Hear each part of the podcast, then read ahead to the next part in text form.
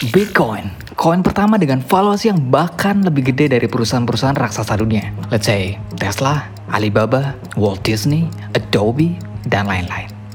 Kok bisa ya? Gimana sih asal-usul koin satu ini?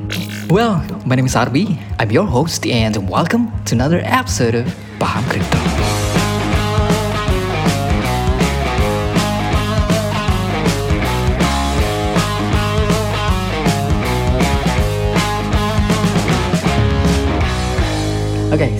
Di episode 2 dari seri podcast Paham Crypto. Kalau kamu belum dengerin episode yang pertama, mending kamu dengerin dulu, baru lanjut ke episode ini. Tapi misal kamu udah dengerin episode pertama, so welcome back. Oke, setelah paham apa itu kripto dan blockchain, di episode 2 kali ini kita bakal ngebahas soal sejarah atau asal-usul dari koin pertama yang ada di blockchain, yaitu Bitcoin.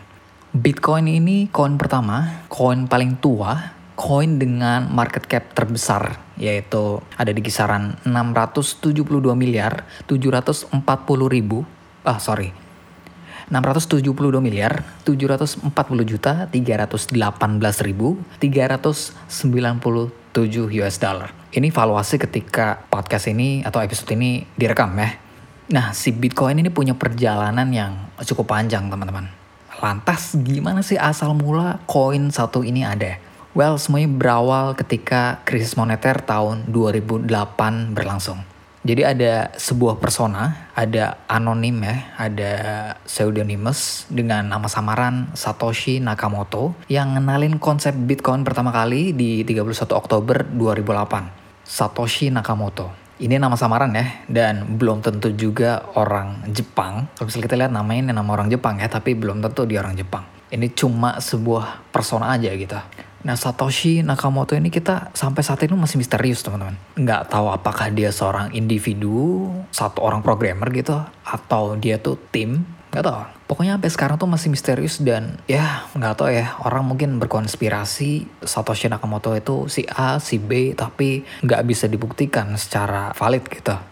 Jadi mula-mula Satoshi Nakamoto ini ngirim sebuah mail ke cryptography mailing list dengan judul Bitcoin P2P e-cash paper. Nah di dalamnya ini ada link yang tersambung ke sebuah white paper dengan judul Bitcoin a peer-to-peer electronic cash system. Eh, dalam paper ini itu Satoshi ngejabarin tuh konsep Bitcoin sebagai digital currency dengan sistem yang terdesentralisasi. Kayak yang kita udah bahas sebelumnya ya, desentralisasi itu berarti nggak ada pihak perantara dari proses transaksi yang dilakukan, tapi langsung tercatat di sebuah buku besar atau ledger, yaitu blockchain, di mana tiap orang itu bisa lihat, kita semua bisa lihat, transparan gitu. Oke, okay, long story short, tanggal 3 Januari 2009, blockchain pertama kali di launching di mana blok pertamanya yang disebut Genesis itu berhasil ditambang. Kemudian transaksi pertama di dalam blockchain ini terjadi seminggu setelahnya. Jadi pada saat itu Bitcoin itu masih belum punya value. Dia belum ada nilainya terhadap mata uang konvensional. Jadi kayak pada saat itu tuh proses kirim-kiriman Bitcoin itu kayak cuma buat seru-seruan aja gitu. Dan ya itu cuma buat ngecek legitimasi, terus ngecek akurasi dari proses verifikasi komputer yang berperan sebagai miner atau sebagai validator di situ.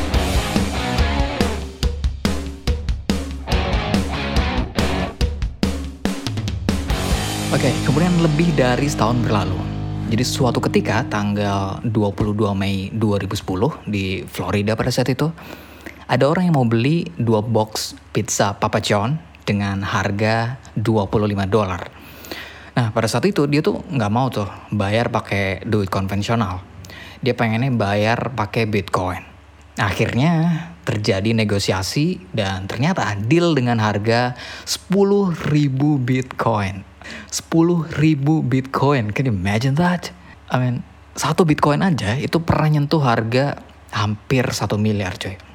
Ada di kisaran 800-an juta gitu pada saat itu. Dan ini 10 ribu Bitcoin. Ini, come on. Ini bahkan kita bisa beli, kalau misalnya valuasi sekarang ya, ini kita bisa beli perusahaannya sekalian loh. Atau bahkan 10 ribu Bitcoin kita mungkin bisa beli pulau kali ya. What the hell man? Dua kotak pizza dengan harga 10.000 Bitcoin. Damn it. That's the worst trade ever.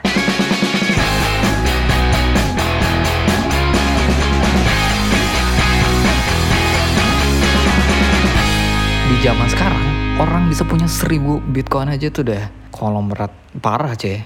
Nah dari peristiwa ini, tanggal 22 Mei akhirnya diperingati jadi Bitcoin Pizza Day sama para komunitas kripto.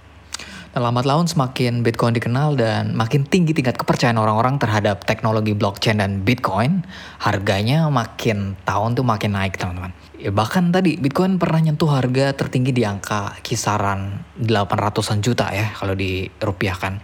Ya sekitar 65 ribu dolar lah. Hampir satu miliar rupiah cuy, bayangin satu Bitcoin. Dan dulu 10 ribu Bitcoin cuma dapat dua kotak pizza. Gila ya kan? Ya walaupun sekarang emang lagi crash sih. Harganya anjlok parah emang. Coba kalau misalnya kita zoom out grafiknya di time frame tahunan gitu ya. Kenaikannya tinggi loh. Coba deh kita cek histori harganya ya. Oke, coba kita cek di um, 2009 itu nggak ada harganya. It's basically nothing. Nggak punya valuasi terhadap dolar sama sekali. Terus di bulan Mei tadi, uh, Bitcoin Pizza itu harganya kurang dari satu sen bahkan per bitcoinnya kurang dari satu sen. Terus di 2011 itu harganya sempat menyentuh satu dolar pada saat itu. Di tahun 2013 itu nyampe 350 dolar. 2014 sampai 530 dolar. 2017 sampai 2000 2000 US dollar. Kenaikannya bayangin dari tahun 2011 yang satu dolar ke 2017 2000 dolar. Oh, bahkan lebih. Di akhir tahun 2017 bahkan nyentuh harga 13.800. Lanjut di bulan Juli 2020 itu sampai 10.900. Awal Januari 2021 41.973 dolar dan 10 April 2021 nyentuh 60-an ribu US dollar. Jadi kalau misalnya kita lihat dengan time frame tahunan ya, ini naiknya sangat drastis. Nah kebayang nanti ketika udah lima tahun ke depan, 10 tahun ke depan nih mana Bitcoin udah makin populer dan makin secara utilitas makin jadi tren atau jadi hal yang biasa untuk sistem pembayaran di dunia gitu.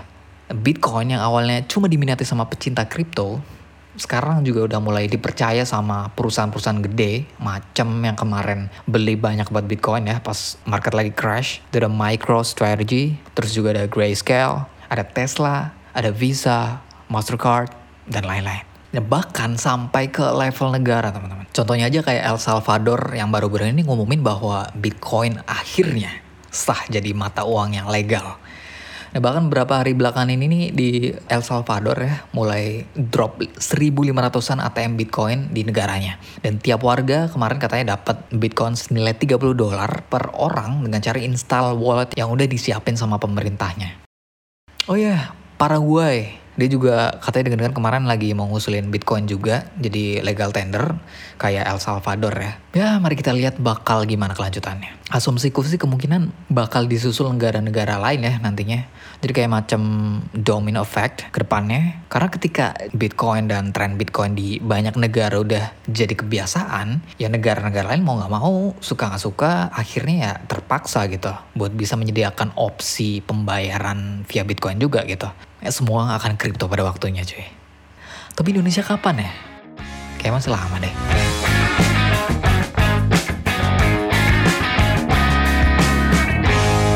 Bitcoin sebagai koin pertama yang paling populer dan punya market cap paling gede emang banyak kelebihannya ya dibanding mata uang konvensional.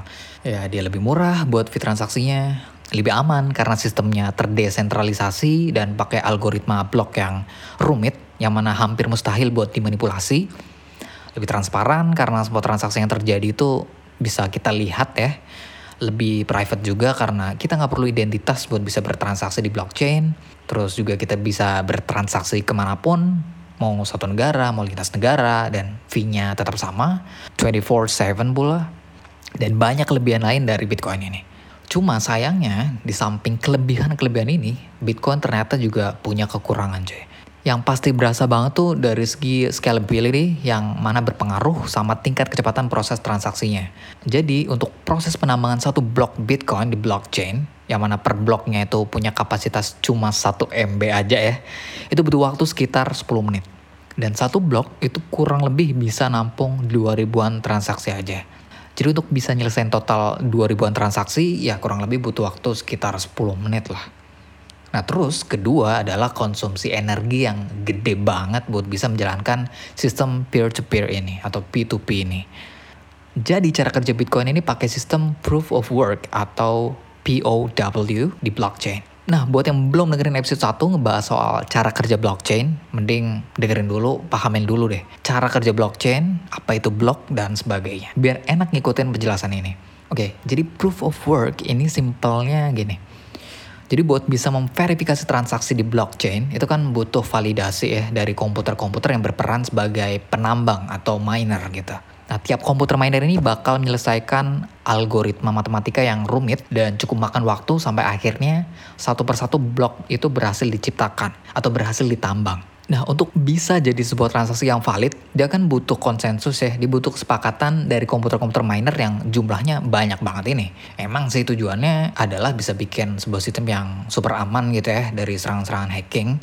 Tapi di sisi lain ini makan waktu banyak cuy dan makan konsumsi energi yang nggak main-main juga. Nah makanya ini juga banyak jadi kritik karena proses penambangan Bitcoin ya bisa dibilang makan banyak waktu dan energi yang sia-sia gitu. Dengan kekurangan dari sistem Bitcoin ini maka lahirlah koin-koin lain yang jadi problem solver dari limitasi atau keterbatasan dari Bitcoin. Lahirlah Ethereum, Litecoin, Binance Coin, dan koin-koin lain yang disebut sebagai altcoin atau alternative coin mereka nyoba menawarkan alternatif solusi buat bisa bikin scalability yang lebih tinggi, transaksi yang lebih cepat, fee yang lebih murah, konsumsi energi yang lebih kecil, dan lain sebagainya. Nah, altcoin-altcoin ini mereka saling melengkapi teman-teman. Saling berkompetisi buat jadi problem solver yang punya dampak positif dan punya utilitas yang kontributif gitu buat keberlangsungan dinamika sistem di blockchain ke depannya. Jadi Bitcoin sebagai induk atau mother of crypto coins jadi titik awal dari sebuah revolusi teknologi baru yang bisa dibilang menjanjikan ke depannya.